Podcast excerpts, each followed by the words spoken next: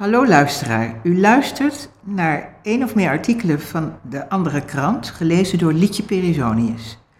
Deze keer gaat het om de krant van zaterdag 25 maart, nummer 12 van 2023. Het hoofdartikel is geschreven door Joris Baas en Karel Bekman.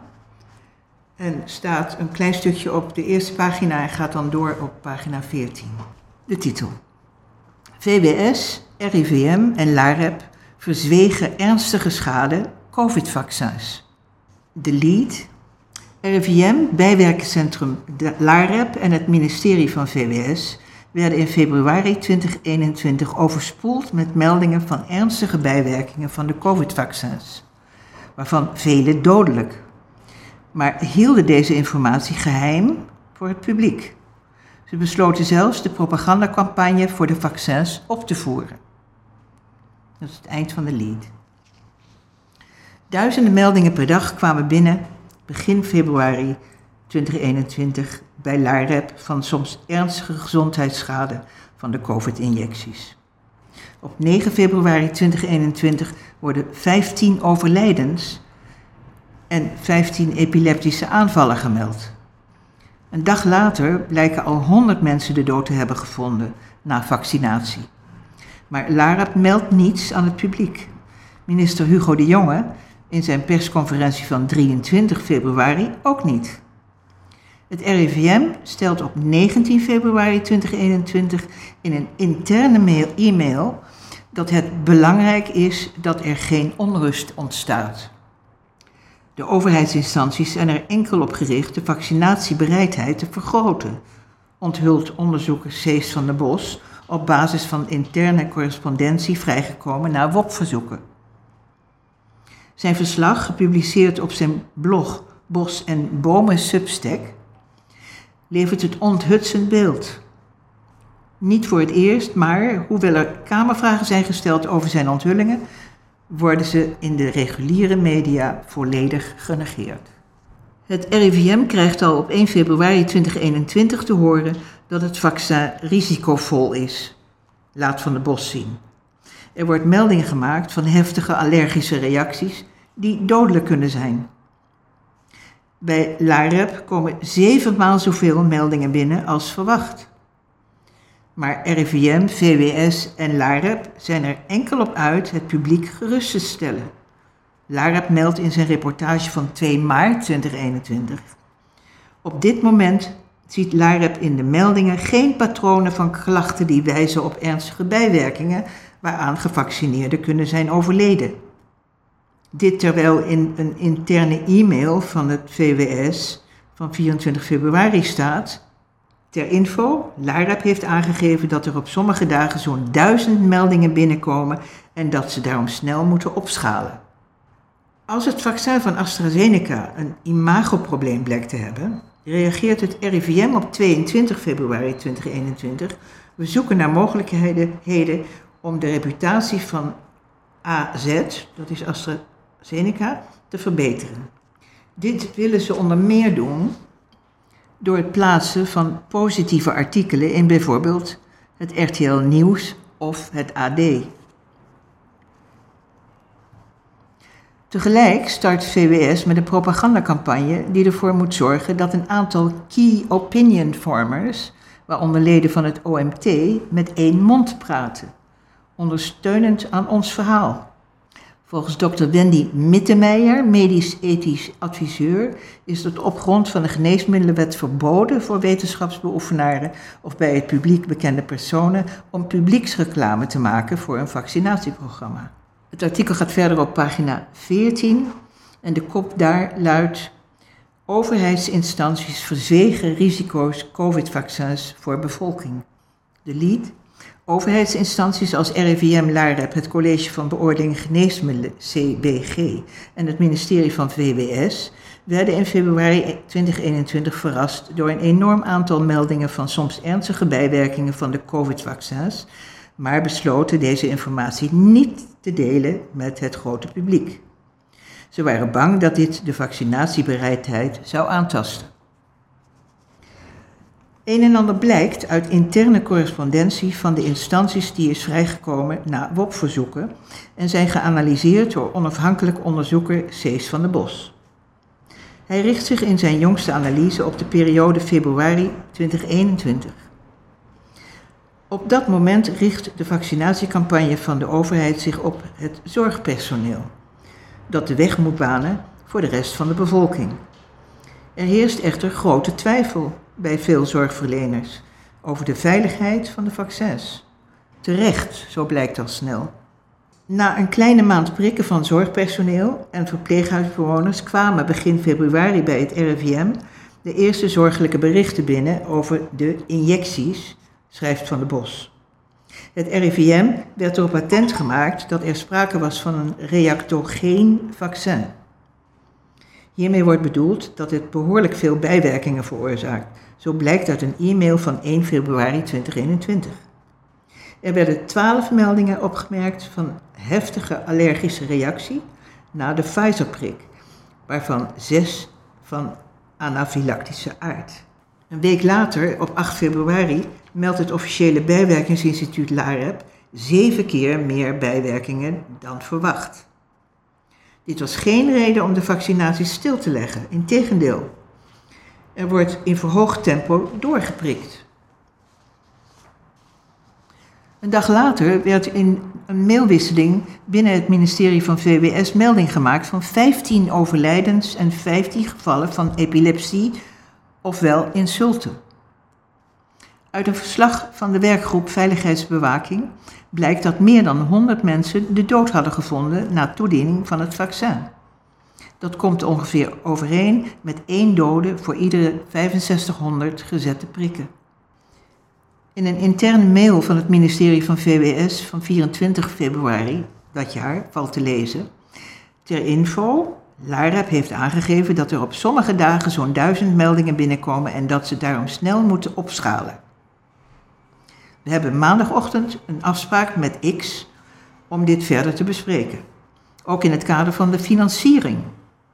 In drie reacties op deze mail gaat het over de financiering. Oftewel, hoe het LAREP het extra werk moet bekostigen. Een inhoudelijke reactie op het extreem hoge aantal meldingen ontbreekt volledig. Ter vergelijking, bij de griepvaccins voor het griepseizoen van 2019-2020 zijn er in totaal drie mensen na vaccinatie overleden bij mensen met hoge leeftijd of onderliggend lijden, volgens een reportage van het LAREP. Er werden toen ongeveer 3 miljoen mensen tegen griep gevaccineerd, één overlijden op de 1 miljoen vaccins. Dat betekent dat er 150 maal zoveel meldingen van overlijden zijn na de COVID-injecties dan na de griepprikken vlak na het begin van de COVID-campagne bij vergelijkbare doelgroep. Van der Bos stuit vervolgens op het probleem met de COVID-injecties van AstraZeneca. Op 19 februari 2021 gaat een mail binnen RIVM uit naar hun bijwerkingguru hierover. Ook omdat er bij huisartsenpraktijken zelf veel ziekmeldingen binnenkwamen na vaccinatie. Aanhalingstekens. Belangrijk is dat er geen onrust ontstaat. Aanhalingstekens sluiten is het meest concrete advies van de bijwerkingenguru van het RIVM. Later op die dag overweegt men binnen het RIVM de huisartsenpraktijken te adviseren om niet alle medewerkers zich tegelijk te laten prikken, omdat anders de kans bestaat dat praktijken moeten sluiten. Op 24 februari 2021 komt een mail binnen bij het RIVM van de Parnassia Zorggroep voor geestelijke gezondheidszorg over de lage vaccinatiebereidheid. 15% van het personeel is uitgevallen na vaccinatie, waarvan drie van de vijf artsen. Ook wordt een geval van anafylactische shock gemeld. Op 22 februari buigt het ministerie zich over de vraag hoe het imago van AstraZeneca kan worden opgekrikt. Via ambassadeurs slash steunpilaren. Expliciet worden RTL en het AD genoemd als mogelijke steunpilaren. Geen woord over het feit dat uit meldingen blijkt dat het AstraZeneca-vaccin mogelijk 150 keer dodelijker is dan de griepprik. Op 14 maart adviseert het College ter Bevordering van Geneesmiddelen, CNG, om AstraZeneca tijdelijk niet meer te gebruiken. Dit na alarmerende berichten uit Noorwegen en Denemarken. De WHO gaat hier echter niet in mee. Op 2 april 2021 stopt Nederland uiteindelijk toch ook met het toedienen van AstraZeneca bij mensen onder de 60. Een jaar later, op 22 april 2022, staakt men pas de productie van de vaccins. De restanten van de te gevaarlijk bevonden AstraZeneca-injecties worden naar Afrika gestuurd. Ondanks alle meldingen wordt door geen enkele instantie overwogen om de campagne stop te zetten of het publiek te informeren. Hugo de Jonge noemt in een persconferentie van 23 februari 2021 wel positieve effecten na ongeveer 1 miljoen gezette vaccins, met name de afname van het aantal besmettingen in de verpleeghuizen en zorgmedewerkers. Aanhalingstekens openen. Ook zijn er hoopvolle eerste signalen over hoe de vaccins beschermen tegen overdracht van het virus aanhalingstekens sluiten, zegt hij. Terwijl later zal blijken dat de vaccins niet beschermen tegen overdracht. Hij rept met geen woord over de grote aantallen ernstige bijwerkingen, waaronder anafylactische shock, epileptische aanvallen en overlijdens. Die jongen had in een persbericht van 19 november 2020 al zonder enige onderbouwing gezegd dat aanhalingstekens openen, Nederlanders zich geen zorgen hoefden te maken over de veiligheid en de effectiviteit van de toekomstige vaccins. Aanhalingstekens sluiten. In december 2020 herhaalde hij deze bewering. Ook LAREP ziet een paar dagen later, op 2 maart 2021, in zijn bijwerkingreportage geen reden om alarm te slaan aanhalingstekens openen. Op dit moment ziet LAREP in de meldingen geen patronen van klachten die wijzen op ernstige bijwerkingen waaraan gevaccineerden kunnen zijn overleden. Aanhalingstekens sluiten. Zo wordt gesteld. De officiële opdracht van LAREP, dat wordt geleid door ex-SP-politica Agnes Kant, is om onafhankelijk bijwerkingen te registreren en rapporteren, maar Cees van der Bos had op basis van eerdere documenten al vastgesteld dat dit instituut het vooral als zijn taak beschouwt om eventuele ongerustheid over de vaccins weg te nemen. Dan lees ik nu het andere artikel dat begint op pagina 1 van Ido Dijkstra. En het heet Slachtoffers kindermisbruik niet gehoord door politiek. Bij slachtoffers van kinderen misbruik heerst diepe teleurstelling over het rommelige, slecht onderbouwde en tendentieuze rapport van de commissie Hendricks. Dit zegt Harry Vos van Kenniscentrum Transgenerationeel Georganiseerd Geweld, KTGG. Een organisatie die zich al twintig jaar inzet voor slachtoffers van georganiseerd seksueel misbruik. In een interview met de andere krant. Eind december 22 werd een rapport gepubliceerd van een door het ministerie van Justitie samengesteld team onder leiding van professor Dr. Jan Hendricks. De conclusies hieruit doen volgens het KTGG en andere instanties geen recht aan de overlevers van sadistisch misbruik.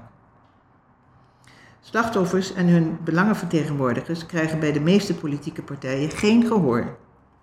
Een debat dat gepland stond voor komende week is op de lange termijn geschoven en de minister van Justitie lijkt niet in gesprek te willen. Kamerlid Gideon van Meijeren, FVD, vroeg een plenair debat aan, maar dat is door de Kamer afgewezen. Het onderwerp wordt nu betrokken bij een nog te plannen commissiedebat seksueel geweld in de meest brede zin van het woord. Zo wordt het onderwerp ritueel sadistisch misbruik op één hoop gegooid. Mijn indruk is dat het bewust klein wordt gehouden in de hoop dat het ondersneeuwt, stelt hij. Aline Terpstra, woordvoerster van een groep van 20 onafhankelijke GGZ-behandelaars, stelt dat het rapport zwaar ondermaats is. Het is duidelijk dat dit onderzoek een schat aan informatie heeft laten liggen, zegt zij. De behandelaars vragen om een second opinion, door een nieuwe onafhankelijke commissie die in tegenstelling tot de commissie Hendricks wel aan waarheidsvinding doet. Dan ga ik door met wat op pagina 3 staat. En dat is deels een herhaling, maar het gaat veel dieper op het onderwerp in.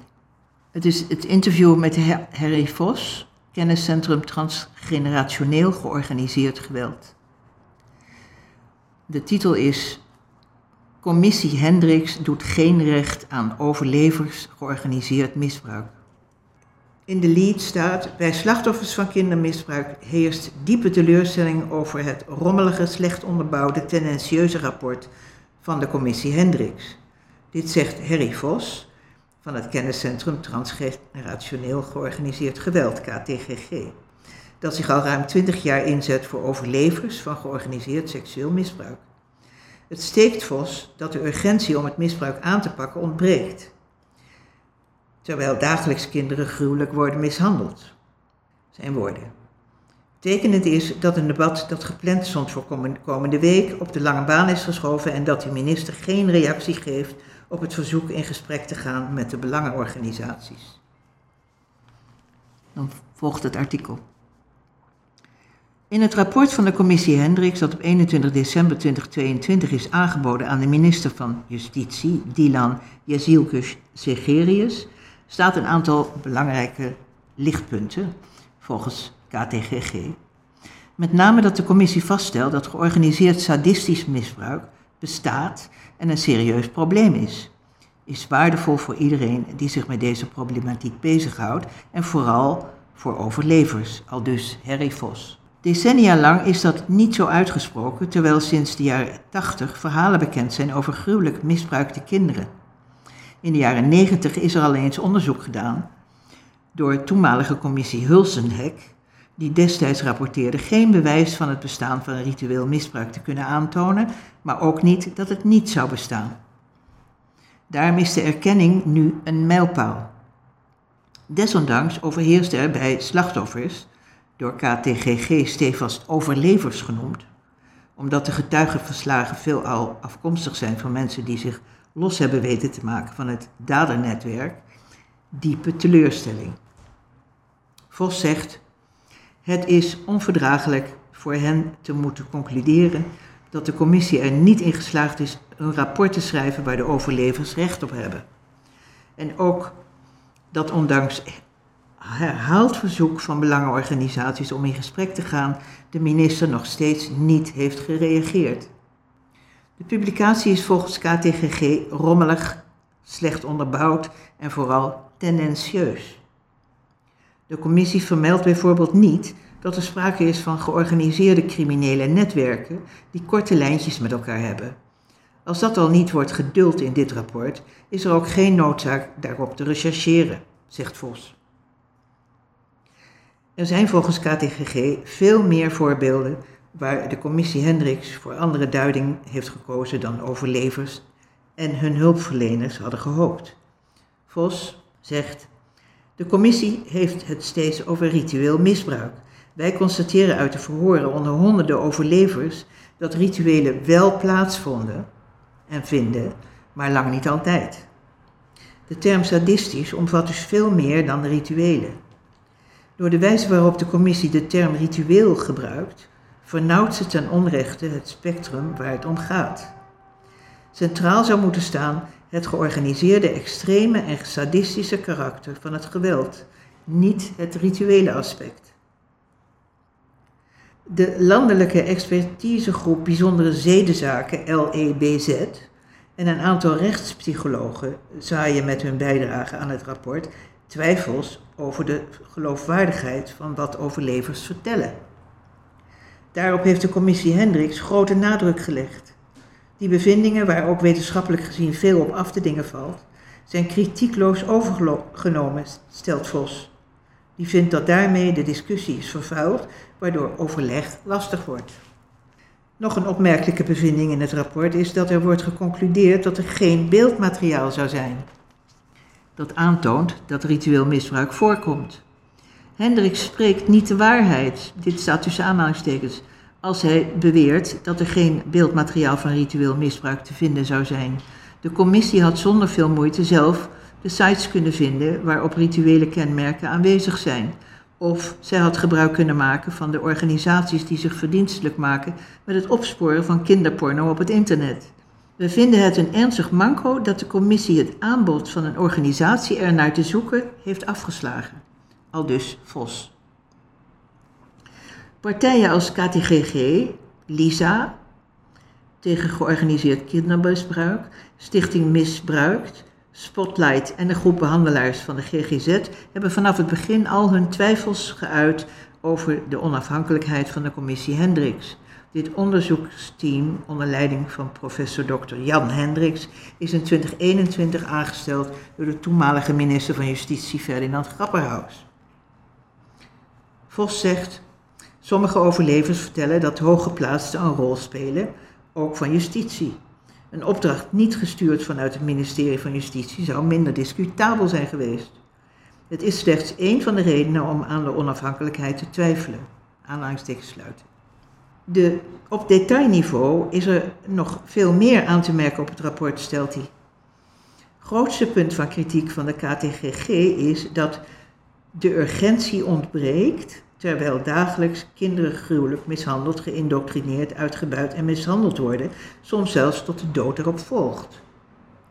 Het zou zeer te waarderen zijn geweest als de commissie de politiek, justitie en maatschappij op zou roepen dit ernstige probleem met voortvarendheid aan te pakken.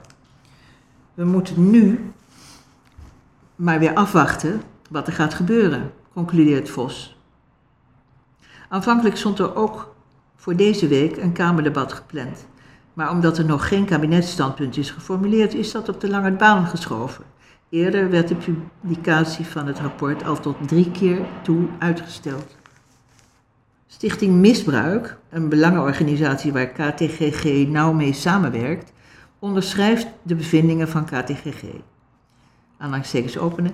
De commissie benoemt de beschrijvingen door slachtoffers van sadistische en vrede handelingen, zoals mishandeling, vastgebonden worden en verkracht, wurgseks, drogeren, het toegediend krijgen van elektroshocks, enzovoort, zegt de redactie. Maar deze misstanden gaan niet gepaard met het overbrengen van een gevoel van urgentie, schrijft de stichting. En dan verder. De commissie Hendricks heeft onvoldoende onderzocht hoe het kan dat een dergelijke misstand niet aan het licht komt en legt de verantwoordelijkheid daarvoor te gemakkelijk neer bij de slachtoffers. Het onderzoek naar het fenomeen georganiseerd sadistisch ritueel seksueel misbruik van kinderen is onvoldoende waardoor de daaraan verbonden conclusie ongefundeerd is. De verklaringen van de slachtoffers zijn niet op waarde geschat. Aanhalingstekens sluiten. Het is voor zowel de overlevers als hun belangenvertegenwoordigers lastig om gehoord te worden. Vos geeft aan getwijfeld te hebben aan een gesprek met de andere krant. Aanhalingstekens openen. Waar wij tegenaan lopen is dat er heel gemakkelijk een link wordt gelegd met complotdenken. Zodra je in de media en politiek in die hoek gezet wordt, heb je geen enkele kans meer om gehoord te worden. Aanhalingstekens sluiten. Bij de reguliere kanalen, uitgezonderd het Nederlands Dagblad en enkele Tweede Kamerleden, krijgt KTGG stevast nul op het request. Aanhalingstekens openen. Ik heb het vermoeden dat velen heel bang zijn met dit onderwerp in verband gebracht te worden. Er hangt een sfeer omheen van, dat geloof je toch niet? Toch geloven we dat er een moment is dat het allemaal naar buiten gaat komen. Er is simpelweg veel te veel bewijs. Aanhalingstekens sluiten. Volgde nog een noot. De andere krant vroeg de commissie Hendricks om toelichting, maar kreeg geen antwoord. Ik ga nog door met het voorlezen van nog een derde artikel over Door Frankema. Het is een interview. Het heet Baanbrekers, Door Frankema. Het vrije media- en bewustzijnslandschap heeft er de laatste 2,5 jaar honderden websites, podcasts, videokanalen, bloggers en vloggers bijgekregen. Er zijn echter mensen die al veel langer bezig zijn als het gaat om eerlijke berichtgeving en het verspreiden van bewustzijn. Hun websites en archieven bevatten een enorme schat aan informatie. In de serie Baanbrekers laten we deze bewustmakers van het eerste uur aan het woord. Het interview is geschreven door Peter Tonen. Veel mensen leerden de Amsterdamse Door Frankema, 1961, en haar werk al lang voor de coronacrisis kennen, nadat ze op zoek gingen naar informatie over vaccineren, anders dan die door onze regering wordt gepropageerd. Citaat. Ik was al jarenlang een van de voorlopers in de bewustzijnsbeweging en had bekendheid gekregen door kritische vragen, lezingen, mijn boek en artikelen over vaccins. Op het consultatiebureau en de website van het RIVM krijgen ouders naar mijn idee eenzijdige en onvolledige informatie. De nadruk ligt op hoe erg een ziekte is en niet op de risico's van vaccinatie. Mijn vragen begonnen in 1997 bij de geboorte van mijn eerste kind, waarvan ik op een natuurlijke wijze was bevallen. Toen ik vervolgens met mijn baby naar het consultatiebureau ging, bleek dat de arts mij eigenlijk nergens antwoord op kon geven. Ze wist niet wat er in een vaccin zit, ook niet door wie en hoe was aangetoond dat het veilig was voor mijn babytje. Ik ben naar buiten gelopen en ben nooit meer teruggegaan. Samen met haar man besloot Door de kinderen ook uit het schoolsysteem te houden. Anna Zekens, ook daar heb ik geen dag spijt van gehad. Ik denk dat we veel meer de leerbehoeften van de kinderen moeten volgen, in plaats van te eisen dat kinderen zich vanaf heel jonge leeftijd conformeren aan het systeem. Aanhalingstekens sluiten. Door vertelt over haar situatie. Ik had het geluk dat ik niet hoefde te werken, omdat mijn man als één verdiener het gezin kon onderhouden. Tegenwoordig hebben veel moeders die keuze niet. Ze moeten puur om financiële redenen zo snel mogelijk weer meedraaien in de werkmaatschappij en hun kind naar de crash brengen. Doordat ik veel tijd met de kinderen was, raakten we heel erg op elkaar afgestemd. Het was een van de meest harmonieuze en gemakkelijke periodes uit mijn leven. Geen haast, geen stress, gewoon lekker met de kindjes zijn. Die periode is voor mij enorm instructief geweest. Ik heb geleerd mijn innerlijke kompas te vertrouwen, mezelf kunnen ontwikkelen en ontdekt dat er heel veel mythes zijn. Bijvoorbeeld dat als een kind niet naar school gaat, het geen vrienden heeft of zich verveelt. Een kind is waanzinnig creatief, maar als het geconditioneerd wordt dat alles wat het moet doen van buitenaf komt, blokkeer je die creativiteit. En dat ze geen sociale contacten zouden hebben is helemaal onzin. We hadden altijd bergen kinderen over de vloer, want iedereen wilde weten hoe het is als je niet naar school gaat. Toen haar kinderen een jaar of negen waren, is Door gaan schrijven over de keuze om niet te vaccineren en heeft dit op de website Vaccinvrij gepubliceerd. Ik heb toen huisarts Dr. Hans Molenburg gevraagd een aanbeveling hieraan toe te voegen, wat hij deed. Maar Molenburg, hij leefde van 2025 tot 2018, de man die er na jarenlange strijd voor heeft gezorgd dat we geen neurotoxisch en kankerverwekkend fluoride in ons drinkwater hebben, had mijn schrijfsels ook doorgestuurd naar zijn uitgeverij. Die reageerde vrijwel meteen hierop en zo heeft uitgeverij Lemniskaat in 2014 mijn verhalen als boek uitgegeven. Het heet Vaccinvrij met een uitroepteken ouders, artsen en wetenschappers over vaccins en vaccinvrij opgroeien. In 2016 is de stichting Vaccinvrij opgericht samen met Ellen Vader, die vanaf 2012 de Facebookgroep van Vaccinvrij modereerde en onderzoek deed, totdat ze tijdens de coronacrisis in juni 2021 aan kanker overleed. Aanhalingstekens openen. Ellen leverde bronnen aan en ik deed het regelwerk en schreef de artikelen. Ik heb, ben haar nog steeds dankbaar. En toen ze overleed was het twijfelachtig of vaccinvrij kon blijven bestaan.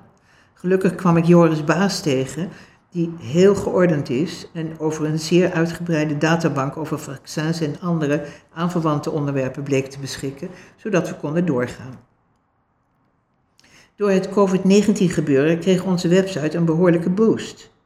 Het ging nu niet alleen meer over het Rijksvaccinatieprogramma, maar ook over COVID en de coronamaatregelen. De website is enorm uitgebreid met pagina's over de EU, de politiek, de WHO en het WEF. Kortom, het grotere plaatje. Wij waren voorlopers en hebben het veld omgeploegd. Maar ik ben heel blij dat er door COVID aan alle kanten nieuwe informatiebronnen uit de grond rezen. Het verbaast Frankema hoe zelfs, of juist vooral, intelligente mensen zich laten brainwashen en betuttelen aanhalingstekens openen, er worden nu wetten vastgelegd om onze gezondheid te beschermen. Maar eigenlijk dienen ze slechts om ons te controleren. Waar blijft onze vrijheid? Als jij jezelf of je kinderen wilt laten prikken of chippen, ga je gang. Maar laat ieder mens zelf in vrijheid kiezen. Dat was het eind van dit derde artikel. Dank je voor het luisteren. Wilt u de krant wekelijks ontvangen? Neem dan een abonnement u of Je vindt alle informatie op internet onder deanderekrant.nl.